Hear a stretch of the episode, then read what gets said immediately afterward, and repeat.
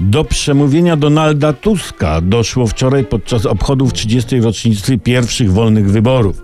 Były premier w 20-minutowych słowach nakreślił konkretne kierunki działań dla opozycji, wytyczył wektory zachowań i wyznaczył trendy bodźców, które mają doprowadzić do zwycięstwa opozycji w jesiennych wyborach. Notujmy, tak światło rady przydadzą się każdemu w każdej dziedzinie. Po pierwsze, nigdy się nie poddawać i zawsze wierzyć w zwycięstwo.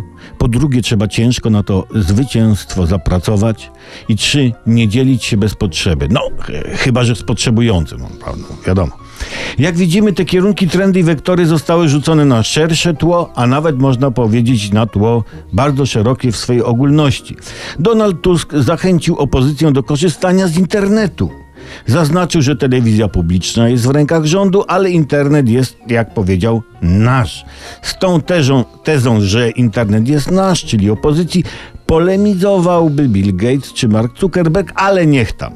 Z tym, że w internecie tkwi problem, bo rady Donalda Tuska, owszem, dobre, one kompletnie przewracają układ sił w Polsce, jasne, jasne, ta.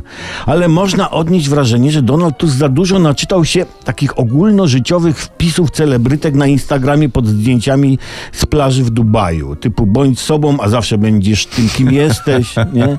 Niech dół, który pod tobą kopią, będzie stopniem do sukcesu, no i takie tam, i takie tam. No i przy okazji następnej wizyty w kraju Donald Tusk, boję się, przywiezie opozycji kulki mocy.